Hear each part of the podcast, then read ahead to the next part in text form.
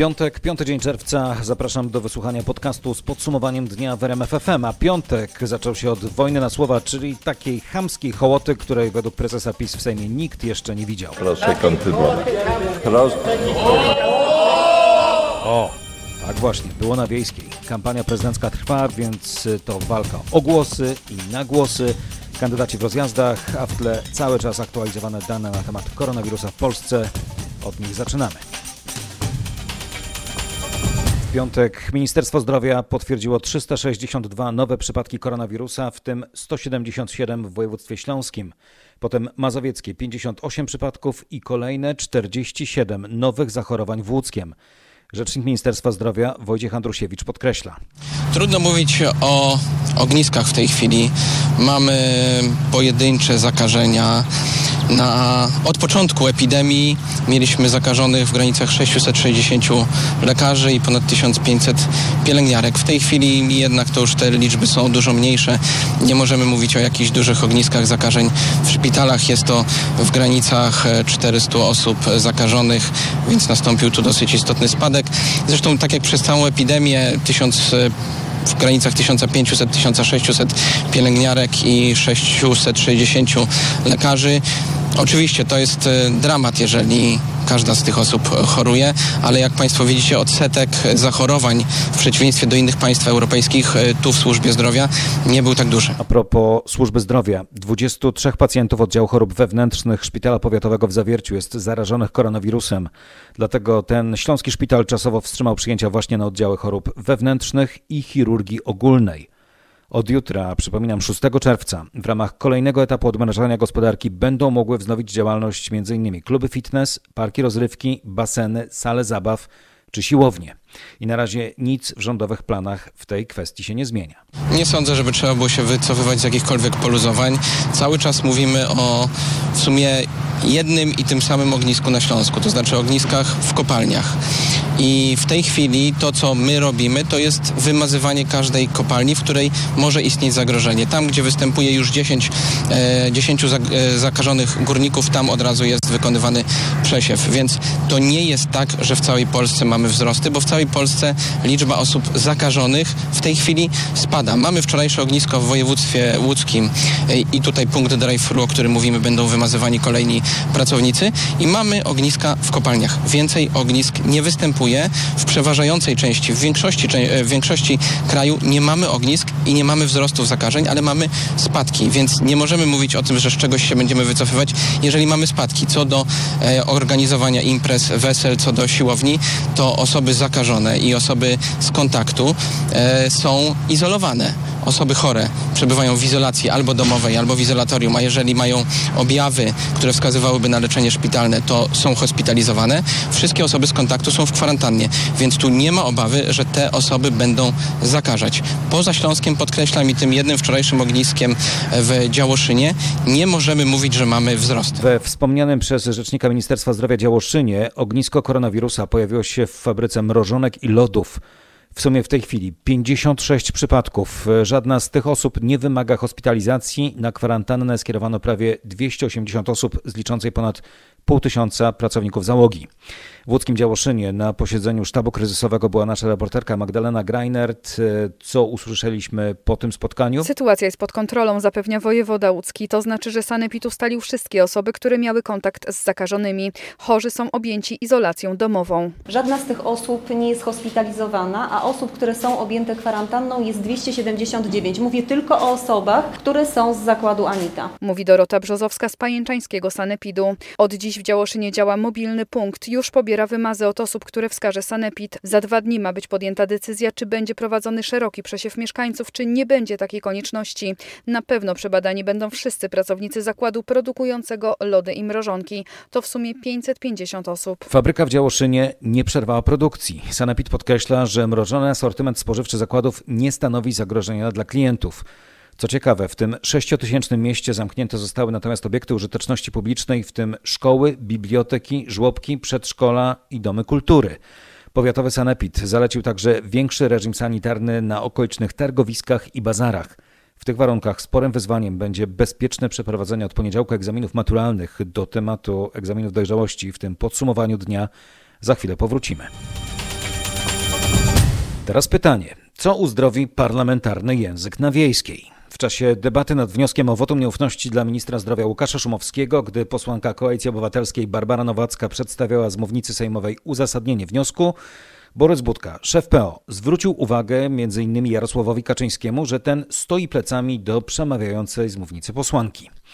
Na słowa Budki, że Sejm nie jest folwarkiem Kaczyńskiego, prezes PiS miał wypowiedzieć słowa takiej hołoty chamskiej to jeszcze nikt nie widział. A oto dokładny zapis tej nieparlamentarnej wymiany zdań w parlamencie. Kucpa i skandal to wotum nieufności. Bardzo to jest kucpa i skandal.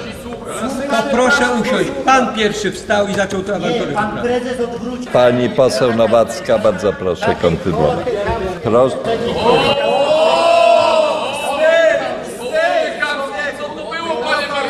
panie Budka, niech pan siada. Panie marszałku, mam wrażenie, że pan poseł Kaczyński nazwał nas hołotą. Ja mam wrażenie, że w ten sposób prezes nie pomaga prezydentowi Andrzejowi Dudzie w reelekcji, a może słowa Jarosława Kaczyńskiego o chamskiej hołocie były, jak interpretuje to lewica, świadomą próbą odwrócenia uwagi od ministra zdrowia Łukasza Szumowskiego i jego kłopotów z niespełniającymi norm maseczkami, znajomym z nart czy państwowymi grantami dla spółki brata. Ale wróćmy na wiejską. Pani poseł Barbara Nowacka. Wykorzysta resztę czasu. Panie marszałku, zanim zacznę mówić, chciałam powiedzieć, że lepsizm pana prezesa słyszałam już parę razy. Wtedy, kiedy wchodził na ten cmentarz, na który ja wejść nie mogłam, bo wtedy jego ból był większy od mojego. Na ten sam cmentarz, na którym leży moja matka, ofiara katastrofy smoleńskiej, on wszedł składać kwiaty swojej matce i swojemu bratu, a inni nie mogli. I teraz, dzisiaj śmie mnie wyzywać i Tu wyciszony mikrofon przez marszałka Terleckiego. Pani poseł, proszę przejść do tematu. Ma pani jeszcze minutę. No to proszę kontynuować. Proszę kontynuować.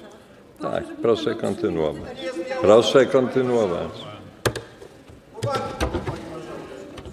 po raz kolejny widzimy to, czym jest PiS. To słowa Barbary Nowackiej i parlamentarna lekcja z wiejskiej.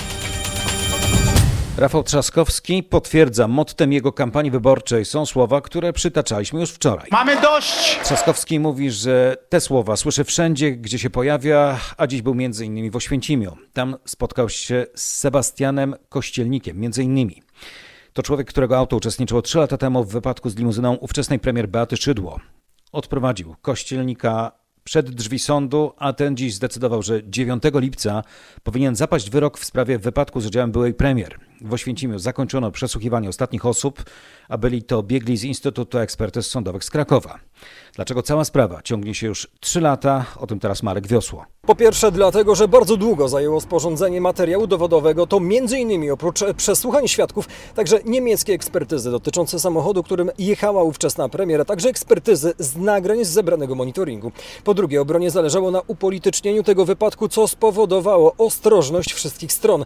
Do tego nałożyła się pandemia koronawirusa, która przedłużyła zaplanowaną wcześniej przerwę w rozprawach, bo ostatnia odbyła się 8 miesięcy temu. Dzisiaj zakończono postępowanie dowodowe i wyznaczono jeszcze dwa terminy rozpraw w połowie czerwca i na początku lipca. Wyrok powinien zapaść 9 lipca. Obrona uważa, że kolumna rządowa jechała w Oświęcimiu bez sygnałów dźwiękowych. Opiera się na zeznaniach świadków, dodając, że zniszczone zostały płyty z nagraniami z monitoringu. Trzy płyty CD zostały y, uszkodzone bezpowrotnie. Materiału tego nie da się odtworzyć. Jak to się dzieje, że akurat takie dowody w takim postępowaniu musiały ulec bezpowrotnemu zniszczeniu? Nie do pojęcia. Mówił mecenas Władysław Pociej, obrońca Sebastiana Kościelnika. Prezydent Warszawy może prowadzić kampanię wyborczą w Małopolsce, bo jest na urlopie. Ale stołeczny ratusz uspokaja. Rafał Trzaskowski cały czas zarządza miastem. Do wykorzystania ma urlop wypoczynkowy w łącznej liczbie 41 dni. Wziął go 30 maja, a do drugiej tury 12 lipca dni mamy 44. Trzaskowski jednego dnia w Oświęcimiu, Chrzanowie, Myślenicach i Wieliczce. Andrzej Duda niedaleko, w Śląskiem, między innymi w Katowicach. Tam zapewniał, wychodzimy z epidemii koronawirusa obronną ręką, a prowadzona przez rząd polityka uratowała życie wielu ludziom. Wcześniej w Bytomiu Duda otwierał komendę Straży Pożarnej, w Sosnowcu zwiedzał park technologiczny, ale tam technika w parku zawiodła. Razem z marszałkiem pana woje... panem marszałkiem wojew...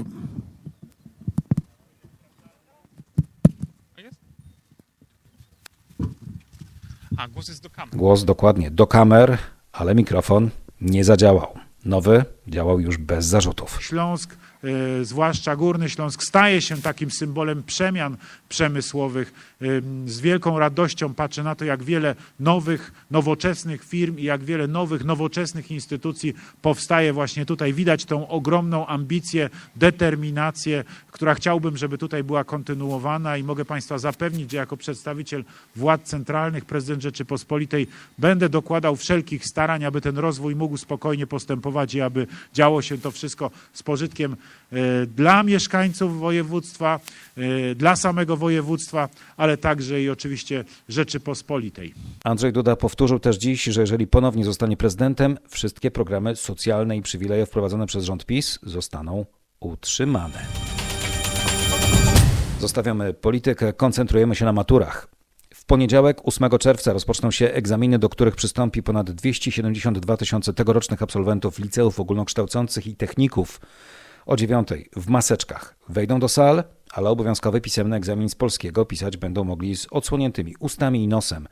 Tak mówi w rozmowie z RMFFM dyrektor Centralnej Komisji Egzaminacyjnej Marcin Smolik. Nie pamiętam egzaminu maturalnego, który byłby bez obaw. My zawsze mamy e, obawy, bo to ogromne przedsięwzięcie i logistyczne, bo to jednak tak, ponad 8 tysięcy szkół, do których trzeba dostarczyć przesyłki i ogromne wyzwanie dla dyrektorów, zwłaszcza w tym roku, gdzie organizacja egzaminu no, przysparza oprócz tych zwykłych e, kłopotów kolejne w związku z zachowaniem bezpieczeństwa sanitarnego. E, no i oczywiście też obawy związane z tym, jak zostaną zostaną przyjęte zadania, czy będą się podobały, czy nie będą się podobały. Mimo wszystko zależy na tym, żeby się podobały.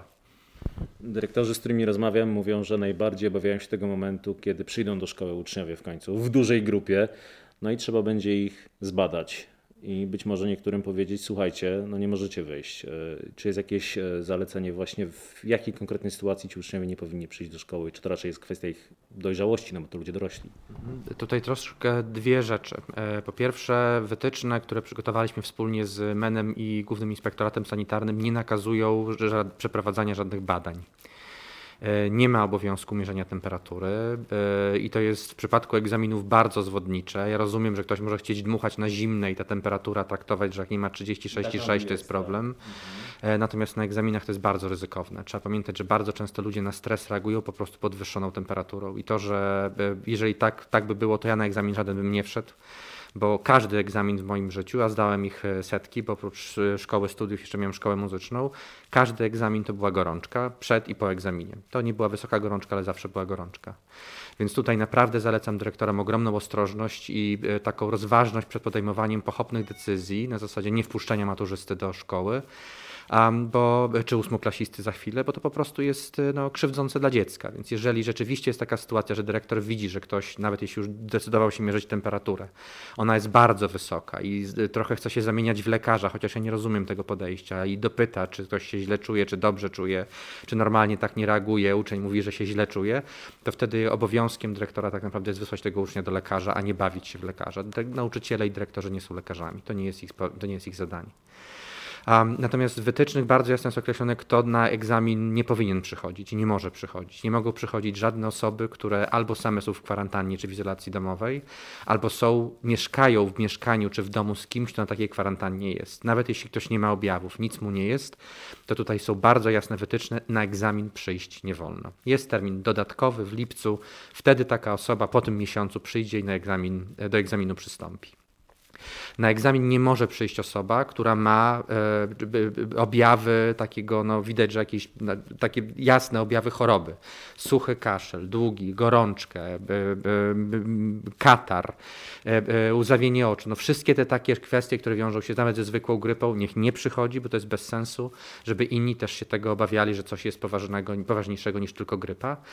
Po to między innymi też wytycznych napisaliśmy, że maturzysta powinien zgłosić dyrektorowi szkoły chociażby to, że ma na przykład katar albo alergię, bo wtedy czy kaszel, czy psikanie są naturalną sytuacją gdyby obronną organizmu i nie należy wtedy panikować, tylko po prostu należy powiedzieć Kasia ma alergię, jej psikanie, jej kaszel to jest ok, proszę się nie bać. Pierwotnie sesja maturalna miała się rozpocząć 4 maja. W związku z epidemią koronawirusa od 12 marca zawieszone są stacjonarne zajęcia w szkołach. Od 25 marca szkoły przeszły na kształcenie zdalne. A co maturzystów czeka od poniedziałku? Wchodzimy zgodnie z zaleceniami w maseczkach, a co z samym egzaminem? Też piszemy w maseczkach? E, jeżeli maturzysta będzie czuł się bezpieczniej e, w maseczce, w rękawiczkach, może zostać. To, było, to jest często zadawane pytanie, czy ja mogę, bo się boję. Tak, nie ma żadnych przeciwwskazań. Jeżeli ktoś potrzebuje wnieść sobie, bo też takie pytania otrzymywaliśmy, no maseczka, pół godziny muszę zdjąć, można sobie wnieść całe opakowanie maseczek, jeśli ktoś ma taką chęć, bo to środek higieniczny, tak samo jak chusteczki higieniczne, można sobie wnieść woreczek foliowy i te maseczki zmieniać. Nie ma naprawdę żadnych przeciwwskazań. Natomiast wytyczne, tak jak powiedziałem, konsultowane z Głównym Inspektoratem Sanitarnym, zatwierdzone przez GIS również mówią jasno, do zajęcia miejsca w sali egzaminacyjnej maseczka, w samym budynku szkoły. Po zajęciu miejsca maseczka nie jest konieczna, można ją zdjąć. Trzeba pamiętać, że tam jest obowiązkowo już gdyby odgórnie zachowana odległość półtora metra, co najmniej między zdającymi. Tutaj badania jasno pokazują, nawet jakieś badanie z 1 czerwca publikowane w Lancecie jasno mówi, że już nawet metr odległości od osoby chorej e, zmniejsza ryzyko zakażenia, ale pamiętam z, z 13 do 3%, a każdy kolejny metr to jest dalsze obcinanie tego e, prawdopodobieństwa zarażenia się. Więc tutaj dyrektorzy na pewno przygotowali sale egzaminacyjne tak, że ta odległość jest zachowana. Nie siedzimy twarzą w twarz, nie rozmawiamy, więc tutaj nie ma jakichś większych ryzyk z tym związanych. Jak będzie wyglądała praca nauczycieli, którzy są w komisjach? Oni, rozumiem, też są w maseczkach, rękawiczkach, czy będą, tak jak bywało wcześniej, chodzić między ławkami, patrzeć, czy tutaj nie ma jakiejś próby pomagania sobie nawzajem? Zasada zakrywania ust i nosa w sali egzaminacyjnej jest jedna. Wtedy, kiedy mamy bezpośredni kontakt twarzą w twarz, czyli zdający z kimś, z jakimś nauczycielem, nauczyciel z nauczycielem, to tak jak w całej przestrzeni publicznej zakrywamy usta i nos. Jeżeli e, e, członek e, zespołu nadzorującego po prostu siada i obserwuje to, co się dzieje w sali w bezpiecznej odległości, nie musi mieć zakrytych ust i nosa. Prośba nasza była w tym roku taka, aby poruszanie się po klasie, po, klasie, po sali egzaminacyjnej ograniczyć do minimum, ale też, żeby zdający nie mieli poczucia, że trochę hula i dusza piekła nie ma. Zespół nadzorujący powinien regularnie wstawać i obserwować to, co się w sali dzieje, żeby zdający mieli też świadomość taką, że ich praca jest obserwowana, jest monitorowana i nie wolno żadnych e, dziwnych zachowań uskuteczniać. Z szefem Centralnej Komisji Egzaminacyjnej Marcinem Smolikiem rozmawiał reporter RMFFM Grzegorz Kwolek. Za wszystkich przystępujących w poniedziałek do egzaminu trzymamy kciuki. W tym roku, przypominam, matura bez egzaminów ustnych z nielicznymi wyjątkami. Chodzi tutaj o tych, którzy zamierzają studiować poza Polską i muszą przedstawić wynik z egzaminu ustnego w postępowaniu rekrutacyjnym na uczelnię za granicą. W podsumowaniu dnia. Teraz mistrz świata Mariusz Wlazły. Ma nowy klub, a w nim wraca legendarny duet reprezentacji Polski. W Treflu Gdańsk Wlazły spotyka się ponownie z Michałem Winiarskim. Biorąc pod uwagę relację trener-zawodnik, taką yy, klasyczną, to będzie przeszkadzało, pomagało? Ja myślę, że w, w sporcie profesjonalnym jest taka, taka zasada, że e, na tym najwyższym poziomie jednak liczy się e, dobro drużyny, sukces i trenowanie i tam jakieś znajomości wcześniejsze zawsze idą na bok w momencie, gdy się wchodzi na salę. U nas e, Podobnie było zresztą e, w reprezentacji Polski, gdzie ze Stefanem Antigą zdobyliśmy Mistrzostwa Świata i był to nasz klubowy kolega, razem można Razem z Mariuszem graliśmy z nim przez wiele lat, a tak naprawdę był naszym przełożonym i trenerem i poprowadził nas do sukcesu. Ja wierzę w to, że Mariusz jest na tyle doświadczoną i e, też e, ważną osobą e, dla naszego zespołu, że w tym roku da nam dużo, dużo dobrego i dużo jakości, jeżeli chodzi o zespół. To będzie Pana prawa ręka w zespole? Czy to za dużo powiedziane? Nie, dla mnie, dla mnie wszyscy zawodnicy są równi, zaczynając od 14 do, do tego, mm, można powiedzieć, gdzieś pierwszego. Tak? Team spirit, zespół e, i, i równość, gdzie, gdzie wszyscy możemy wszyscy razem rozmawiać, jest dla mnie rzeczą nadrzędną. Kuba Kaługa rozmawiał z Michałem Winiarskim, no i jego nowym podopiecznym, Mariuszem Wlazłym. Rozmawialiśmy z Michałem wielokrotnie przez telefon i e, tak jak dzisiaj też na konferencji powiedział, wierzy w moje umiejętności, w moje doświadczenie, wierzy, że jestem przydatny drużynie e, i chcą zbudować też poprzez moją osobę m, mm, siłę tej drużyny, więc to są dla mnie wartości, które E, których e, nie da się przełożyć na, na nic innego, bo to jest zaufanie do człowieka, e, do swojego no, w cudzysłowie pracownika, tak, ale... Pracodawcy.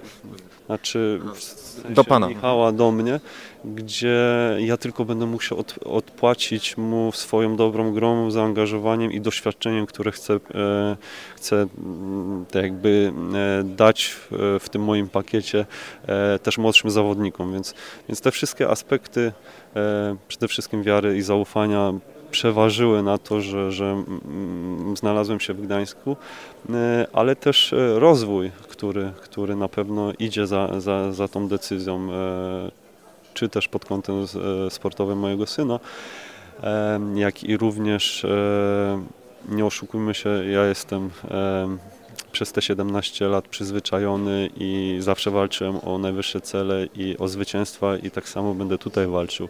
E, I myślę, że, że możemy spokojnie sobie o tych celach najwyższych po prostu tutaj porozmawiać. E, To jak będzie, to jest kwestia sportowa. To jak e, ułoży się sezon, też to jest kwestia tylko i wyłącznie sportowa, ale na pewno, e, na pewno moje zaangażowanie będzie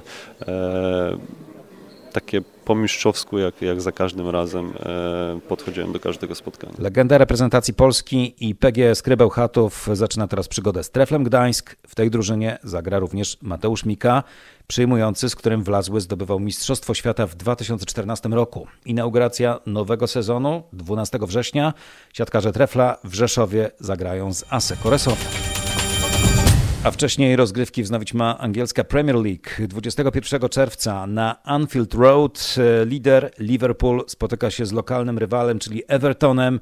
No i już w tym meczu The Reds będą mogli zapewnić sobie mistrzostwo kraju. Pierwsze od 30 lat. But Paisley and Will Shankly. The fields of Anfield Road. Let's also it for these guys. We are los shepherders, and we come from Everton. That doesn't rhyme. Warunkiem jest, że obrońca tytułu Manchester City cztery dni wcześniej przegra z Arsenalem Londyn, a Liverpool pokona Everton. Niby proste, tyle tu kombinacji. To było podsumowanie dnia w RMF FM. Tomasz Stańszewski, dziękuję. Niech to będzie piękny weekend. Fakty sprawdzajcie na bieżąco w radiu RMF FM i na dobrze poinformowanej stronie rmf24.pl.